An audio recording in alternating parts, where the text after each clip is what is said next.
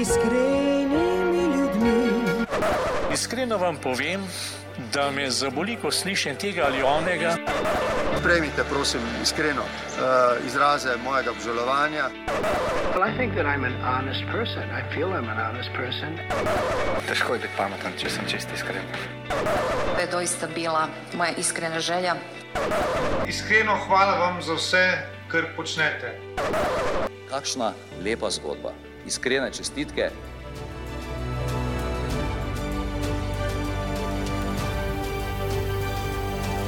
Najprej lepo zdrav vsem gledalcem.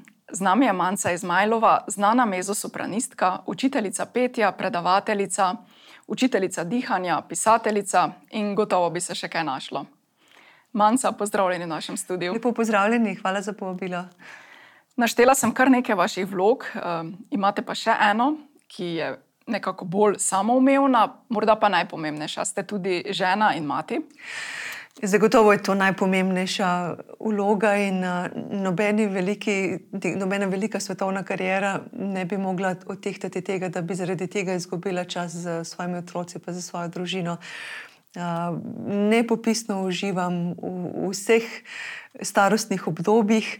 Mislim, da zdaj še bolj kot kadarkoli, zaradi tega, ker ko sem bila mlajša, sem bila še bolj obremenjena nekako s kariero, se mi je zdelo, da nekaj zamujam, če bom veliko z otroci, zdaj pa mi je lep, res lepo z njima. Sta, sta stari 9, pa pol, pa 15, pa pol, punci, uh, tudi mož, moža manj krasnega. Tako da res um, mi veliko pomeni to družinsko življenje. Odlično, zdaj kariero ste začeli še kot samska punca. Kako se je recimo spremenilo, ko ste dobili otroke, ko ste se poročili? No, ja, najprej je v bistvu Benjamin začel zelo močno vplivati na mojo kariero, ker sem imela prej drugačne predstave, mogoče tudi niso bile tako zelo dolgoročne. Ne. Eh, Benjamin mi je takoj, ko so se spoznala, takrat sem imela vdajo na televiziji Slovenija, imela sem svoj bend v Mariboru, prvi album sem posnela, pela tak pop, jazz, mal muzikla in tako naprej je rekel, super, uh, lušna si, mlada si, uh, to ne bo trajalo. Moraš razmišljati, če, če ti res toliko pomeni glasba, kot, uh, kot, ti, kot, kot vidim, da ti, moraš razmišljati, kako boš lahko do konca življenja počela. Nekaj vezano na glasbo, in to moraš početi čim bolj kvalitetno, in to ti bo dala samo klasična izobrazba. No, on je bil tisti, ki me je že takoj preusmeril malo iz teh bolj pop voda, v, ki so dejansko. Pravi, že od vsega ja, začetka on z vami. Dejansko so pop vode primerne tam do 30. Uh -huh. 35. leta, potem pa počasi to zvodeni.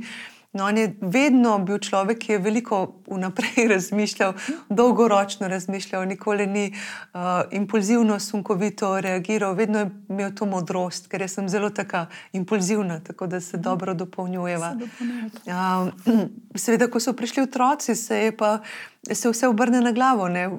Vsi pravijo, ko enkrat imaš otroke, se ti zdi uh, smešno, ko ljudje brez otrok rečejo, da nimajo časa, da, da, da so utrujeni ali kako tak, tako, ker to prinese čist neke nove dimenzije. Uh, naenkrat ugotoviš, da ima dan več ur, kot jih je imel prej, uh, da tudi včasih mrtvo utrujen deluješ in delaš. In, in da se tudi to da, in da kljub vsem tem, bi rekla, stvarem, bi rekla, manj udobja, mogoče kdaj, ki ga prenese družina, ne bi nikoli več uh, želel biti brez otrok in biti, biti tako, kot si bil prej, svoboden, samski, z vsem časom na svetu. Tako da vsega, kar mi je naredilo bolj fajn človeka, boljšo umetnico, več neke empatije, čustvenosti, ljubezni in uh, vse to vedno dajemo v svojo glasbo, v svojo umetnost, tudi potem svojim poslušalcem. Uh, čemu sledite, recimo pri vzgoju otrok? Kakšne nasvete imate za starše, kaj se vam zdi najbolj ključno pri Z možem smo si popolnoma različne, bila tudi zelo različno vzgajena. Jaz sem bila bolj strogo, njega so bolj pustili, vedno mm -hmm. nekako, da se je sam odločal. In uh, mislim, da smo v vseh teh letih. Zdaj so poročena že 20 let, skupaj pa 21, če malo več, da smo tudi veliko drug na drugega vplivala, se malo spremenila, oba. In um, sva stroga, recimo, jaz sem pač zelo vajena imeti nek red. Uh, Uh, tudi znotraj doma, recimo, sem uh -huh. zelo redoljubna.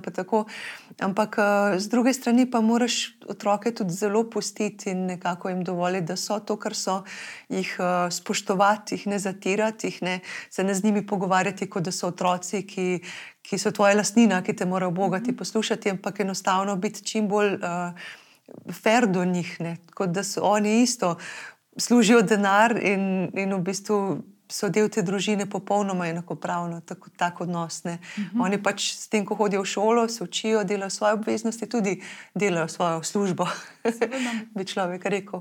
Ja. Kaj pa imate tudi najstnico, kaj pa ja. vzgoja najstnic, kako se obli preoblikuje? Mislim, krasno, zato ker um, bilo, je, bilo je kar težko ker smo se ravno uh, takrat, ko je bila korona, preselili v Avstrijo. Za njo je bilo zelo težko, ker je um, dobila kar naenkrat novo mesto v lockdownu, brez mhm. prijateljev. In to pri tej starosti, 13-14 let, je bilo res, mhm. res hodno. Kaj pa je jezikovna barijera? Um, hodila je v slovensko gimnazijo, tako da tega problema ni bilo, čist, okay. čisto nič in se je lahko v svojem času učila nemščino. Mlajša hči pa je seveda otroci manjših še hitreje poberajo jezik. Uh, in uh, nikoli ni bila, pač tak človek je ni bila nikoli problematična najstnica. No. Uh mhm. -huh. Je um, zdaj. Zdaj, stara 15, in pol, kot sem rekla, se zelo že odgovorno obnaša, tudi veliko vidi, kako mi dva z možem delujeva, da nobena stvar ni sama po sebi umevna, da veliko delava, da se se kdaj treba čemu odpovedati, in uh, da si je treba cilje zadajati, da moraš prestopati ven iz svojih komfortne cone, kar je včasih težko, uh, tudi narediti kaj, kar ti ne paše. Tako naprej si potem nagrajen za to. In uh, vidim, da se razvija od takega čudovitega mladega človeka. Tako prav uh, užitek mi je biti z njo in jo gledati, kako se razvija, kako najdeva svojo pot, čisto popolnoma svojo. No. Največ, mislim, nikoli nisem imela nekih ambicij za svoje otroke. Predvsem si želim, da so srečni, lahko počnejo karkoli želijo in, uh, in da pač uživajo v svojem delu. Ker uh mhm. -huh. preveč ljudi je, ki ne uživajo v svojem delu. To se mi zdi tako, tako bistvena komponenta življenja. Uh mhm. -huh. Jih tudi zanima vaše otroke glasba? Obe sta glasbeno talentirani, ampak uh, tako kot so mnogi otroci uh, glasbenikov, seveda. Uh. -huh. Ampak mislim, da je napaka, če grejo potem kar po, po neki definiciji tudi oni po glasbeni poti. Zato ker glasbeni talent, enako kot vem, talent za risanje ali pa igro ali kaj takega, ima res ogromno ljudi. To ne, uh. -huh. ni nekaj redkega. Uh, v bistvu tisto, kar te pa potem naredi umetnika, je pa, da si pripravljen ure in ure uložiti, v katerih absolutno uživaš, v izpopolnjevanje, v izboljševanje, um, v neke nove stvari in to te potem naredi umetnika. In, uh, uh -huh če v tem ne uživaš in uh, če tudi ne čutiš te močne goreče želje, da to deliš naprej, potem mogoče ni smisel, da se, da se s tem ukvarjaš, če tudi ti gre samo pod sebi dobro. Mhm. Tako da starejša hči absolutno vidim, da ne gori za glasbo, da je druge stvari bolj pomenijo, mhm. čeprav je tudi zelo umetniški tip, bolj te dizajn, grafične zadeve jo zanimajo. Uh, mlajša pa kar precej gori za glasbo. Mhm. mlajša pa vel, veliko prav prostih ur enostavno poje. Ima posnetke, ima karaoke, ima ne vem kaj, poje v slovenščini, nemščini, angliščini, vse po vrsti. Let gre in uh, nenehno poje, zdaj je v dveh zborih. Upisana in bomo videli, potem, kako, kako se bo razvijalo. Kako bo za njo. Mlajša gre violino, starejša pa klavir. O, pa, pač brez nekih pritiskov. No. Se razumem. Eh, zdaj na Instagramu ste pred kratkim zapisali, da ste nepričakovano zanosili. Čestitke. Hvala lepa. Kakšni so bili prvi občutki ob, ob dveh črticah? Uh, nisem imela namena imeti še enega otroka, čeprav moj mož si je vedno želel tri otroke. Uh, tako da je bilo izjemno presenečenje, izjemen šok. In potem tudi, ko sem googlala, kako se recimo. Eh, ženske v moji starosti, ki imajo že večje otroke, počutijo, je bilo zelo podobno, pač neki kaos, neka najprej. Se ti zdi, ne, pa spet bodo plenice, pa spet vse, vse še enkrat, to, kar misliš, da je zdaj že konec. Potem pa, ko sem sprejela to misel, Uh, sem se pa začela nekako veseliti tega, zato ker, um, ker ti daje tak nov zagon. Uh, Nekako se prav dobesedno pomladiš, in seveda tudi vsi ti hormoni, ki jih dobiš, meni so vedno zelo prijali, um, ti dajo nek polet, ti dajo, te pomladijo, te poživijo, glas je veliko lepši, psihično se izjemno dobro počutim. In, uh, Zaenkrat res uživam no, v, Ja, v, otrok že zdaj dor, že v nosečnosti. Ja, um, imela sem tudi številne preglede, seveda, uh, in uh, mnogi zdravniki so mi rekli, da sem res zelo mlada za svoje leta, da, da je organizem mlajši, kot, uh, kot kažejo številke. Tako da zaenkrat, kako bi rekla, brez nekih, uh, brez nekih idej, kako bo, Ko bo. Sem sprejela vse skupaj se veselim. Lepo. ja. To je lepo slišati. Uh, zdaj, aprila boste torej tretjič rodili. Uh, kakšni sta bili prvi dve vaši porodni izkušnji in ka kakšno si želite tretjo? Um, prva hčerka se je rodila na Jesenicah, druga pa v Ljubljani. In, uh, obakrat sem imela res krasne izkušnje z, z celim zdravstvenim sistemom. Slovenskim. Uh -huh. uh, mogoče sem imela srečo, da ni bilo gužve, da, pač je bilo, da se je vse nekako poklopilo. Um, pri drugih črkih sem bila že, tudi, že bolj poznana, tako da seveda sem, so tudi vsi vedeli, kdo sem in tako. Um, verjetno bilo zaradi tega tudi nekako malo vse skupaj um, olepšano.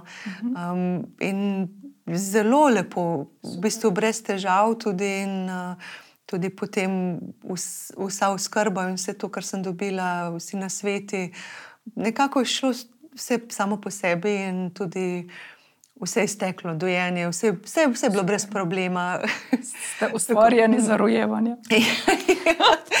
ja, potem je rekla moja mama, ker sploh nisem vedela, ker je moja uh, prababica je imela uh, zelo veliko otrok, mislim, mm -hmm. 12 ali 13, in je rekla, da je naj zadnjega rodila pri 43, to se pravi, to je bilo takrat že res, Ja. skoraj kot da bi danes rekel pri 60. 60. Se pravi, In, uh, nadaljujete tradicijo. no, nisem, nisem tako kot ona, ampak uh, vsekakor mi mm -hmm. odgovarja materinstvo. No, zelo. odlično. Tudi vsa ta ljubezen in to lepo, ki ti otroci dajo, ko se vračaš iz nekega potovanja, iz koncerta, iz česar koli in veš, da so oni doma in da greš lahko k njim v sobo in jih objameš in stisneš. To je, se mi zdi največ vredno no, do vsega. Uh, zdaj, z možem ste omenili, da ste 21 let poročena. Uh, kako 20 živi- poročena, 21. 20, skupaj. 21 po- Zelo hitro Torej ste se poročili, hitro poročila, ja? Vsi so nam rekli, da, da je to katastrofa, da se bomo takoj ločili. Očitno niso bilo imeli prav, ne? Intenzivno. ja. Očitno ste imeli dober občutek. Um, kako živite svoj zakonski odnos? Uh, Kaj se vam zdi pri gradnji enega dobrega partnerskega odnosa ključno? Mi dva sta tako zelo posebna, kot sem prej rekla, zelo sva si različna, različno bila vzgojena iz drugačnih okolij. Tudi, recimo, jaz sem stoprocentna slovenka, gorka, uh, on je namešan, četrt rus, četrt hrvat, četrt slovenec, četrt srb, bolj temperamenten, bolj tak slovanski karakter. Um, vzgojen bil tudi čisto drugače. Ampak uh, tudi veliko se kregava, to, Okej. tudi, tudi najni otroci so priča temu, če starejša reče, starejša hčerka reče, nekaj se spet krega, da, da sem. Ampak pri nama je to nekako, grejo dnevno stvari ven in mm -hmm. Nikoli s- nisva skregana za dlje časa ali pa da bi bila žaljiva ali pa ponižujoča drug do drugega. To se mi zdi zelo bistveno za odnos, da nikoli ni tega zaničevanja. Ko do- tega enkrat pride, to je precej slaba pot. No. Da je prepir, grejo nesoglasje ven in potem greš lahko čez eno uro naprej. Um, To se mi zdi bistveno, in uh, obenem je pa veliko spoštovanja med sebojnega. No. Ne vem, kaj bi Benjamin sicer to vedno pove in mi vedno kaže svojo ljubezen in me lepo gleda in mi to pove in tako naprej. Um, jaz pa seveda kot ženska, ki vedno se nekaj razburja na svojega moškega in ga poskušam malo spremeniti, ampak v bistvu vsak dan, ko nekako bi naredila dnevno bilanco, ali pa tako pa ga gledam z ljubeznijo in si rečem, kakšno nepopisno srečo imam, da imam takega človeka ob sebi, na katerega se res lahko tako zelo zanesem, od katerega sem se toliko naučila, ki ima tako veliko srce, ki mi tako res veliko daje vsak dan in ki bo vedno nekako postavil družino, pa mene na prvo mesto pred sebe. Tako da Čudovito. je Čudovito ga opisali. Nekako kra- krasno delujeva. In uh, tudi on za to svojo veličino in dobroto, mislim, da je tudi on mene že malo spremenil, ker sem bolj egoist uh, po naravi. Uh, mogoče ne vidite, ampak tudi znam pred, biti precej tečna.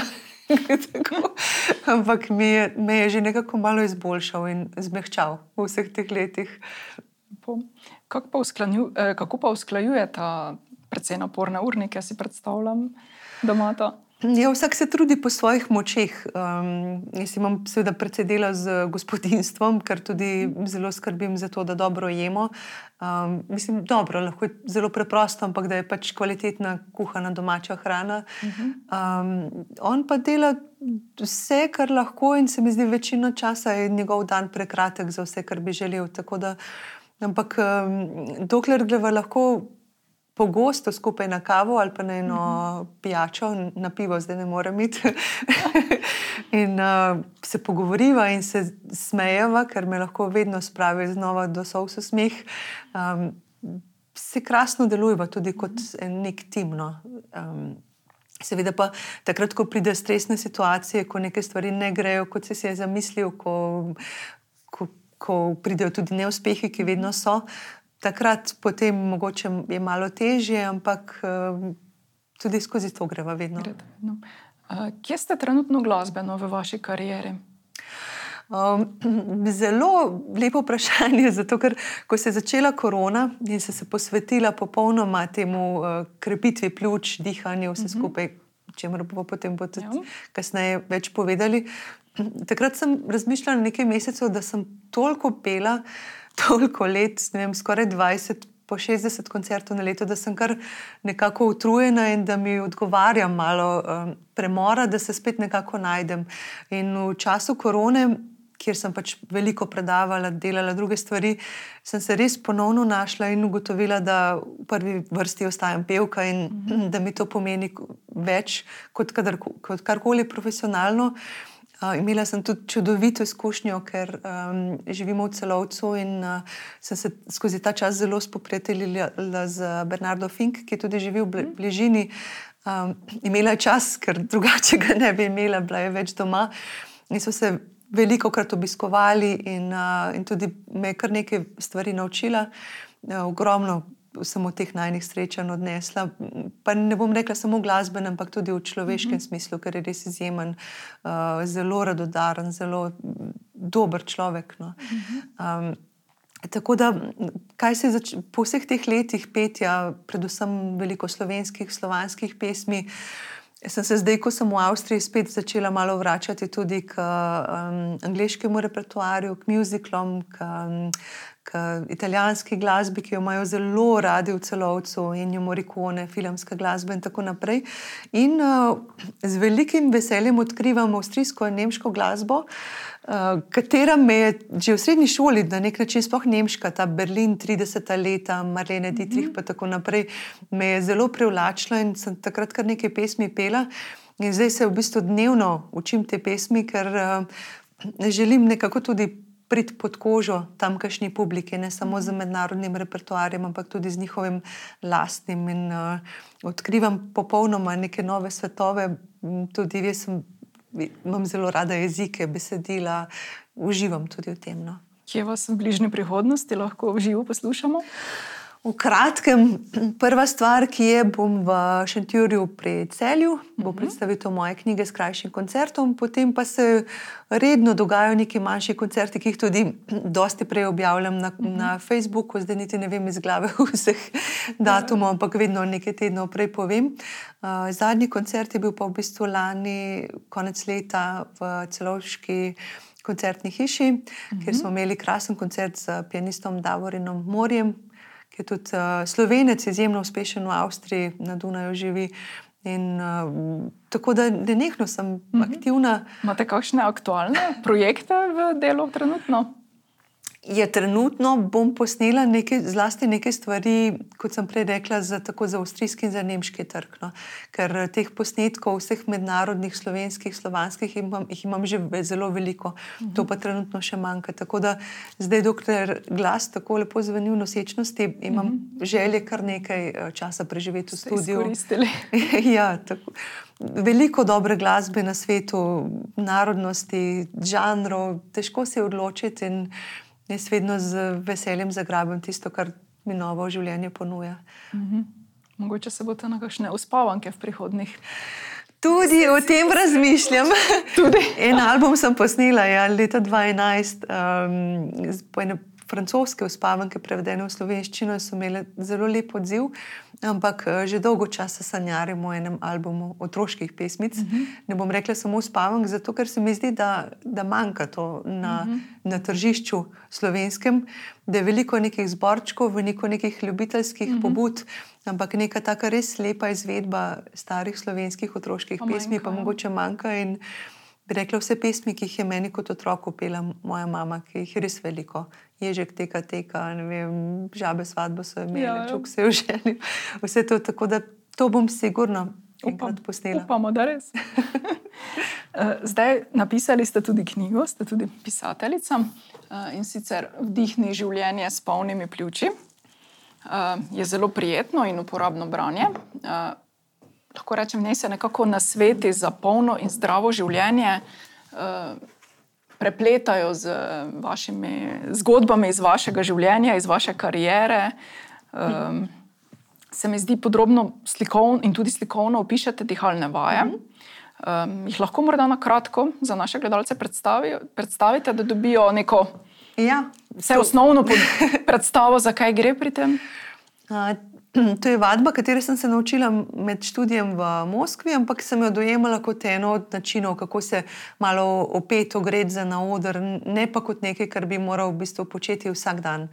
In še le, ko sem imela nekaj let nazaj, to je bilo tam 2016-2017, približno tak burnout, ker uh, dejansko mi je bilo preveč vsega, organizacija, koncerti, potovanja, otroci so bili majhni. In uh, je tudi nekako ta nesigurnost, ki je z našim poklicem povezana. Ne? To je kar težko breme, ki ga ne nekno nosiš in se ga s časoma naučiš nositi, ali pa te zlomi. Samo dve možnosti sta. In uh, takrat sem se potem k tem vajam spet zatekla. Gre za zelo staro metodo, ki bazira na vajah altajskih menihov, to je visokogorje na meji Rusije z Mongolijo, uh -huh. ki so bile pa potem sistematizirane in nekako dane v literaturo v 20. stoletju. Najprej za pomoč pri izgubah glasu, za pevce, igravce, oziroma vsi, ki imajo probleme, zelo hitro, recimo, raztopijo kakšne vozličke, pa povrnejo glas, ker veliko ljudi ima s tem težave. Potem, s časom, skozi desetletja, pa so bila tudi klinično testirane, vse več zdravnikov uradne medicine je posegalo tudi po njih kot dodatek za zdravljenje. Za vse mogoče stvari, seveda za vse dihalne bolezni, mislim, vse, kar je povezano z dihali, astme, kronični bronhitisi, okrevanje po, po pljučnicah in tako naprej. Potem previsok krvni tlak, diabetes previsoka telesna teža, motnje v razpoloženju, depresije in tako naprej. Skratka, za ogromno teh različnih stvari se dan danes to uporablja. Metoda je nekako, bi rekla, obtičala v starih sovjetskih učbenikih, nikoli ni postala neki svetovni komercialni boom. Meni pa se je vedno zdelo, da ima ogromno potencijala, ker je, ker je tako um, preprosta in prav, kot bi rekla, na kožo opisana zahodnemu človeku. Ni treba ležati na nekem marvel flexu, uh -huh. trenerki. Tri četrt ure in šteti svoje vdihe, ampak enostavno ostaneš za računalnika, karkoli počneš za minuto, dve, tri, ali pa greš na sprehod, ali pa si v kuhinji, ali pa med gospodinskimi pravili in narediš eno, dve vaji. Vaje so hitre, dinamične in uh, njihov učinek je takojšen. Če rabiš, te pomirijo, če rabiš, da te, ti dvignejo energijo, ti jo dvignejo. Tako da hkrati pomirjajo in uh, poživljajo. Izjemno dobro na psiho vplivajo, na spanec, um, tak, tak življenjski polet se pojavi, življenjska moč.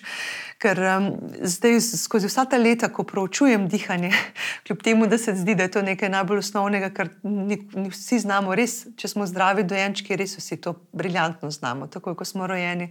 Ampak potem skozi življenje zaradi različnih dejavnikov izgubimo stres, anksioznost, um, preveč sedenja, nenehno zadrževanje dihanja. In to, da tako slabo dihamo, da uporabljamo mogoče samo 20% svojih pljuč, um, ima zelo slab učinek na celotno naše zdravje, na vse organe, na to, kako se počutimo, na to, kako spimo. Tako da se mi zdi, da je zelo pomembno, da ljudje, ki hočejo nekaj delati za svoje zdravje, da tudi razmišljajo o tem, da delajo nekaj za svoje pljuča vsakodnevno. Mhm. Tudi če bodo delali pet minut, pa bo tudi to dovolj. Tudi to dovolj. Drugače pa ta metoda uh, vsebuje več kot 50 vaj, že nekatere so za različne potrebe, za različne bolezni, tudi mhm. za bolj polane ljudi, recimo, so prilagojene. Uh, ampak s tem se seveda ukvarjajo ljudje, ki so študirali medicino. Uh, Uh, jaz pa v bistvu učim več ali manj zdrave ljudi z manjšimi, srednjimi tegobami, uh mhm. -huh. nekakšnimi, uh, kako v bistvu delati ta vsakodnevni fitness za pljuča. Pljuča se zelo hitro odprejo, se ukrepijo, vse mišice, ki sodelujo pri dihanju. In dihanje ni treba ozaveščati, ampak dihanje se enostavno se začne nam refleksno vračati, tako kot bi moralo biti. Ja. Mhm. to, to, toliko krat na dan ga nekako odkrčimo, podpremo pljuča in se spomnimo na to, da se to začne dogajati vedno bolj potem samo po sebi, tudi zlasti po noči. Recimo, mm -hmm. po noči tudi, če tako dihamo, kot večina ljudi diha, tudi po noči še vedno dihamo plitko in to je tudi ni dobro. Vaje so tako hitre, smešne, plesne, skoraj da hitri vdihi skozi nos. Ni težke. Niso težke, v bistvu primerne za vse starostne skupine. Uh, Tako da res krasne in učinkovite. No? Zdaj, če malo je. Ja. tu pokukava, ste fajn slikovno prikazali. Ja, uh, tudi so. Čist preproste in uh, Na moji spletni strani um, dihalna-telovadba.si je tudi ogromno brezplačnega materijala, ker sem imela dolgo časa rubriko na Facebooku 7 minut za zdrava pljuča. Uh mhm. -huh. Tam so vsi ti videi, uh, potem je, so tudi webinari Facebook, iz Facebooka, jih je bilo tudi, tudi že kar nekaj, kakšnih sedem jih je gor, eno urni. Tako da lahko tam se najde veliko brezplačnih vsebin, seveda pa se lahko tudi tam kupi knjigo, pridruži mhm. kateremu od mojih uh, drugih tečajev, ali online, ali v živo, in tako naprej. Tako da uh, priporočam ljudem, da enostavno se majčkino pozanimajo o tej temi, no, ker. Mm -hmm. Jih bo lahko zelo presenetilo, kaj pozitivno vplivalo ja, na celotno. Čisto tako majhen podatek, recimo 85% toksinov iz našega telesa izločamo z dihanjem. Uh mhm. -huh. Zapravi, lahko še bolj pazimo na svoje zdravje, se razstrupljamo in tako naprej. Če si ne uredimo dihanja, ti strupi ostajajo v nas. Uh mhm. -huh. In uh, prav s tako intenzivno vadbo, vsakodnevno, uh, si lahko ogromno naredimo na to temo. No. Super, se pravi, samo odločitev je potrebna. Pa se z lahkoto usvojijo. Točno tako. Pa vztrajnost potem. Jaz sem prepričana, da, da je to pomemben ključ do tega, kar mene ohranja, ohranja nekako mlado in v uh mhm. -huh. formi. In plodno. ja, tudi. Uh, naj bi dejansko um, uh, odlašala menopauzo, ne bi se zaradi tega mhm. zgodila kasneje. Zaradi tega, ker um, ta naša preponska mišica, ki jo imamo napeto pod, nekako pod rebri, uh, morala bi hoditi za dol in gor za 7 cm, pri večini ljudi se skoraj ne premika, mm. mogoče en centimeter ali kaj takega. In to ima nekako slab, um, slabo deluje na cel organizem, mm. ker cela trebušna votlina, če si predstavljate vsi organi, ki so notri, ne vem, jetra, prebavila, rodila, uh, vse to v bistvu s prepono bi morali cel dan dobivati tako majhno ritmično masažo, prekrvavitev. Če to ždi na mestu, vse ne, prepona. Cel trebuh ždi na mestu, hrbtenica ždi na mestu, vse nekako ja. ždi. In, je, in uh, ne samo, da pač so pljuča na slabšem, kot mi mislimo, mm da manj zraka vdihujemo, vsi naši organi so na slabšem. Če pa delamo dihalno telovadbo, pa prav recimo rodila dobivajo vse čas eno tako majhno masažico mm -hmm. in uh, se ohranjajo bolj vitalno. to je pač Očitno seveda ni. Prebrala sem v knjigah, ver- verjetno ni, nikoli ni bilo nekako znanstveno dokazano, ampak jaz to verjamem, vsa Ja. ja. to teorijo, ki jo vem. živi dokaz, da deluje. ja, tako nekako. Eh, Zdaj, v svoji knjigi se dotaknete tudi zdrave prehrane. Zagovarjate, bi lahko rekli, eh, hrano po nekako zdrav, zdravi kmečki pameti in tudi hrano, ki je bila v bistvu hrana naših prednikov, brez nekih eksotičnih sestavin. Zakaj je tako pomembno, da jemo hrano? Hrano, ki so jo jedle naše prababice, recimo, ali pa še dlje. no. Jaz bi rekla v prvi vrsti tudi zaradi budžeta, ne, ker seveda veliko ja. ljudi mora gledati na to, koliko denarja za to porabi. In, uh, vsekakor je eno tako mm, normalno sezonsko hrano kupovati vedno najbolj ugodno, kot pa kupovati vem, paradižnike po zimi, pa uh, vse mogoče stvari iz Jagode, celega ja. sveta, pri, si pripeljati jagode, ja, borovnice, ne vem kaj vse. Uh, in mislim, da je treba, zelo veliko mi je dala na to temo, uh, misliti tudi ena knjiga, ki se imenuje Zakaj so francozini lahko vitke, uh -huh. ki prav um, ena gospa francozinja opisuje tradicionalno francosko prehrano in tudi ona vedno se za, za, zateka, ona zlasti govori o prehrani, seveda skozi celo knjigo, govori o tem, kako je važno jesti sezonsko, ne? ker takrat imajo rastline največ v sebi, v bistvu, ali pa oziroma plodovi. Uh, takrat so stvari najbolj cenovno ugodne, in um, tega je, je tudi naša genetika navajena. ne. V bistvu mi smo vajeni piti kamilični čaj, pa lipov čaj, pa tako naprej. V bistvu nismo vajeni piti zeleni čaj, pa črne čaje. ne. Recimo, ja, ja. Recimo, jaz presegam tudi na žajblov čaj, pa na koprivo. Kopriva je tudi krasna zadeva. Vse to, kar je iz našega okolja. To naši genetiki nekako najbolj ustreza in je vsekakor najbolj dobro, ne bomo imeli nekih reakcij na to. Potem so vem, potem so tukaj tudi uh, ti zelo preprosti recepti, se mi zdi, da je tako kulinarika na vrhuncu mm -hmm. in tako izjemni, vsi nekaj kuhamo. in Tako, ampak uh, včasih je hrana lahko okusna čisto v svoji preprostosti. Se pravi, dober krompir nasoljen mm -hmm. in konc, malo masla zraven. Ne? Pa skut ali pa kaj takega, te čompe, ki so ga jedli vedno v -hmm. Bovški uh, dolini. Tako da se mi zdi, da mogoče preveč kompliciramo, tudi preveč neke gormanske okuse iščemo, ker dobre sestavine imajo same po sebi ogromno Okusa okusa, že, ja. in zelišča in tako naprej. Ja. Um, zdaj, zanimiv je tudi vaš odnos do posta. Um, za razliko od drugih, ki svetujejo o prehrani, se dotaknete tudi eh, duhovnega vidika posta. Ja, absolutno se mi zdi, da takrat, ko se, ko se človek za nekaj takega odloči, da mora biti to celovito, da mora tudi biti neke vrste duhovni post, ne pa samo skrbeti za, samo za svoje telo. Um, Ne gre za dieto v prvi vrsti, ne, Ja, ali pa samo v bistvu za razstrupljanje. Ampak Stari posti po starih tradicijah so vedno vključevali tudi ne vem, neko veliko meditacije, veliko molitve, veliko, veliko pač nekega ukvarjanja z lastno duhovnostjo. Tudi. In to se mi zdi zelo smotrno. Zraven. Tako da zanimivo je pa, kako te meditacije in molitve, prav, recimo, prav sem zadnjič en zanimiv članek pre, prebrala po uh, bodi si recitiranje zdrave Marije, zlasti v latinščini, ne, ne v vseh jezikih prevedeno, bodi si recitiranje nekih mantr, ki jih ima recimo indijske kulture. Vse to popolnoma, uh, ko to delaš, se regulira dihanje in se popolnoma uh, umiri cel sistem telesni. Tako da je dejansko te stvari je zdravo početi vsakodnevno. Ne glede pravi, na to, Na mesto diete rožni venec broke. Ko- kot komu ustreza, bi rekla, katera koli vera mu je blizu, ampak vsekakor se z, z neko duhovnostjo se ukvarjati, ja, Mhm. z neko notranjo čistostjo. Ja, bi rekla, pa v bistvu z željo, celotnega človeka. z željo potem, da, da k tebi prihaja dobro in da si ti dober in da daješ dobro. No. Mhm. Nekako s tem bi, bi rekla, da se je treba vsakodnevno ukvarjati. Odlično. Zdaj, prav lahko bi rekli, osvežujoče vas, vaš odnos do športa, ki ga tudi opišete v svoji knjigi. Eh, V zadnjih letih je nekako vrhunska telovadba, vrhunska neka natreniranost, Ja. še posebej pri ženskah, postala popularna in zaželena. V resnici pa, kot pravite, gre za en velik stres, stres za telo. Pretiran šport je vsekakor stres za telo in uh, nas hitreje stara, nam, nam, nas oropa mineralov in vitaminov. Recimo ljudje, ki so vrhunski športniki, znajo to skupaj s svojimi zdravniki zelo dobro nadomeščati, mm -hmm. pa še vseeno imajo potem v bistvu življenjske posledice na svojih telesih zaradi pretiranega športa.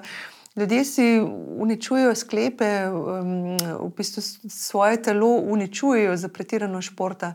Dan, danes... Hormonsko, recimo, pravite. Ne? Ja, in bi, v bistvu sem se pogovarjala tudi s kakšnimi zdravniki, ki nekateri prav pravijo, seveda, da je tam okrog 50. leta, da je veliko ljudi pretirava s tem ki ko mogoče že niso več tako fit, kot so bili pri 20, mm -hmm. seveda niso več tako, imajo pa več čas, časa, otroci so veliki, uh, hočejo nekako zadržati, ohraniti svojo mladosti in nasprotno si dobijo infarkte in podobne zadeve pri teh letih, zaradi tega, ker koles, kolesarijo neke ne vem kakšne hribe in tako naprej. Uh, ljudje po dolgih. Um, dnevih, ko so neprespani, utrujeni, so preveč delali, pa grejo vse še do konca spehati s športom. Mm -hmm. Kot so knjigi reče, da je bilo bolj zdravo za skledo kokec spet na kavču. Takrat. Vsekakor pa šport redno. Mm -hmm. Kakšnega priporočate, recimo za ženske? Absolutno hojo vsakodnevno, mm -hmm. vedno več. Um, jaz sem veliko tudi brala, kako recimo ljudje, ki so starejši, ki so stari, ne vem, 80 in tako naprej kakšne so njihove življenjske navade, da se dobro, seveda nekaj je genetika, ampak Gotovo, ti ja. ljudje imajo skupno to, da imajo neko zadržanost pri prehrani, to se pravi, nikoli se ne prenajedajo uh mhm. -huh. in da eh, zelo veliko hodijo, veliko krat. Praktično uro, dve na dan, vsi hodijo.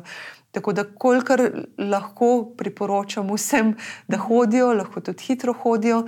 Uh, vse te nežne telovadbe, kot je vem, yoga ali pa pilates, kot komu ustreza, dihalna telovadba, absolutno vsak dan 5, 10, 15 mm -hmm. minut, uh, plavanje in vse brez nekega uh, prenaprezanja. In uh, ni, absolutno ne početi vsak dan, ne si zastaviti, ne vem, tok in tokrat v tok in tolikih dneh, in tako naprej, ki gre spet, spet proti telesu, če se če si utrujen, če se ne ljubi, enostavno telo pravi ne. Uh mhm. -huh. Tudi ti, recimo, ki so zagovorniki mrznega tuširanja, ki pravijo, da mrzlo vodo. Če kdaj ne paše, tudi po dva tedna ne. Tudi mhm. jaz, ne vem, dihalne telovadbe ne delam po dva tedna, kdaj, ko, pa potem spet, ne vem, po pol ure na dan. Pa takrat, ko sem začela, sem delala tri ure na dan. Pride obdobje in takrat ne smeš uh, riniti mm -hmm. iz svoje komfortne sile, uh, cone. cone. Ja. Da moš vedeti, kdaj si len, kdaj pa enostavno telo res tega ne rabi. Moj to dodaten ja. stres. Nobene stvari ni treba vsak dan početi. -hmm. Prav nobene. Mislim, ni, ni prav. Oziroma, sami veste, kaj, kaj je treba, ampak take stvari, ki si jih sami zadamo, vezane na lastno disciplino, pa res ni treba, vedno lahko malo počakaš. Pravi, zdrava mera pri vsem. Ja. Um, zdaj še mogoče malo bolj aktualno družbeno vprašanje. Uh, poklicno ste zelo povezani z Rusijo. Uh -huh. um, zdaj vemo, kaj se v Rusiji dogaja. Uh, verjetno imate tudi stike z mnogimi umetniki ruskimi. Kako doživlja recimo en poprečen Rus trenutno družbeno-politično situacijo? Kar zelo, zelo, zelo traumatično. No? Um, sicer so tudi oni nekako nasprotnih si mnen, včasih, nekateri so bolj na eno stran, nekateri bolj na drugo stran. Ampak uh, mnogim ljudem so se popolnoma življenje na, na glavo obrnilo, tudi ta embargo, pa to uh mhm. -huh. čez noč izgubili posle, ljudje, ki imajo vem, več zaposlenih in tako naprej čez noč, brez vsakega posla iz Evrope. In ena tako velika nesigurnost in kaos je, tudi se počutijo zelo ponižene, osramočene, v bistvu so um, izgubili vse ugled kot narod ne, v, mhm. v času enega leta in to bo trajalo dolgo, da se bo to nekako obnovilo, po, po, povrnilo. Um, kljub temu, recimo, da so izjemni, kar se tiče umetnosti, kar se tiče veliko, veliko stvari, so vrhunski, ampak trenutno enostavno je to že skoraj do. Postalo nekaj slabega, ne, da si Rus. Že samo narod. Ja. Ja. Tako da zelo težko za moje prijatelje, tudi nikamor ne morejo, oziroma v Evropo ne morejo. Um, posli se selijo vse mogoče države naokrog, od Armenije do do vem, Gruzije, tam, mm -hmm. da pač lahko še delujejo. Tako da ogromno ljudi se je kar izselilo mm -hmm. iz Rusije, da lahko pač nadaljujejo s svojim delom. Uh, Tako da tudi za njih je to ena velika tragedija, trenutno, kar se dogaja. No. Gotovo. Ni, ni lahko. Um, upam, da, bo, da se bodo uspeli zmeniti čim prej, čim da ne prej, bo več se- zavleklo, ker je res grozno. No. Ma, bo vsaka vojna je grozna. Vsaka vojna je grozna. Ja. Vsaka vojna je grozna in uh, v bistvu nikoli točno ne vemo, kaj se dogaja za njo. Ne?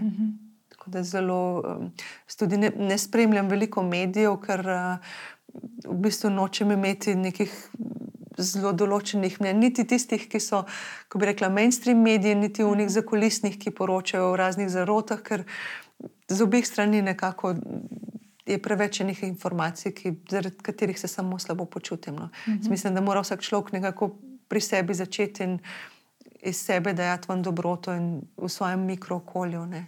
Na nek, nekem širšem, pa težko delujemo. ali edino, pa kar lahko storimo. Pametnega povemo ali pa počnemo. Ne, ne moremo v bistvu. Gotovo. Um, zdaj, če zaključimo še z malo nečim pozitivnim, kakšne načrte imate za prihodnje mesece? Ja, v bistvu do marca imam še koncert. A do marca celo? ja, Dobro. uh, tako da potem pa spet naprej, uh, od konca maja, junija, tudi, seveda, z nekimi prilagoditvami, olajšavami. Uh, To, Voziček to kot bom kupili? želela. Ne, nič nisem še kupila. Trenutno eh, sploh absolutno nič ne kompliciram in uh, nekako pravim, tega je toliko naokrog, da ko bom Veste, rabila, boš stvari pomembne, ja. lahko vedno v enem dnevu vse dobiš, karkoli rabiš. Uh, predvsem bi rada nekako se psihično pripravila in še nekaj stvari speljala, mogoče uh, knjigo še eno napisala do takrat, pa to, ker pač imam veliko že teh zapiskov. imate že pripravljeno? Ja, tako da predvsem v tem, tem knjigo, smislu- če ni skrivnost? Mm, V bistvu nadaljevanje tega de, mojega dosedanjega dela za neko višanje življenjske energije, motiviranosti, uh, pozitivnosti in tako naprej, notranjega zadovoljstva. O tem še malo razglabljam in tudi na temo dihanja se da še kar precej povedati, kar ni v moji prvi knjigi. Super. ja. Torej, Manca, iskrena hvala za vaš čas in za vse.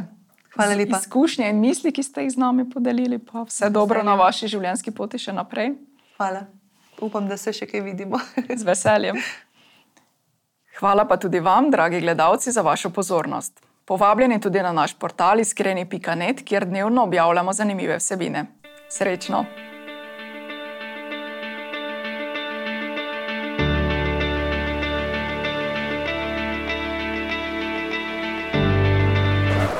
Med iskrenimi ljudmi.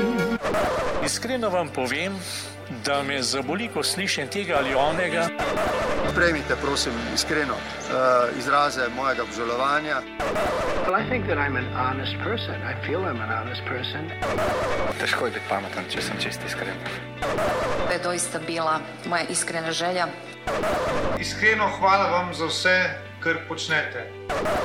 Kakšna lepa zgodba. Iskrene čestitke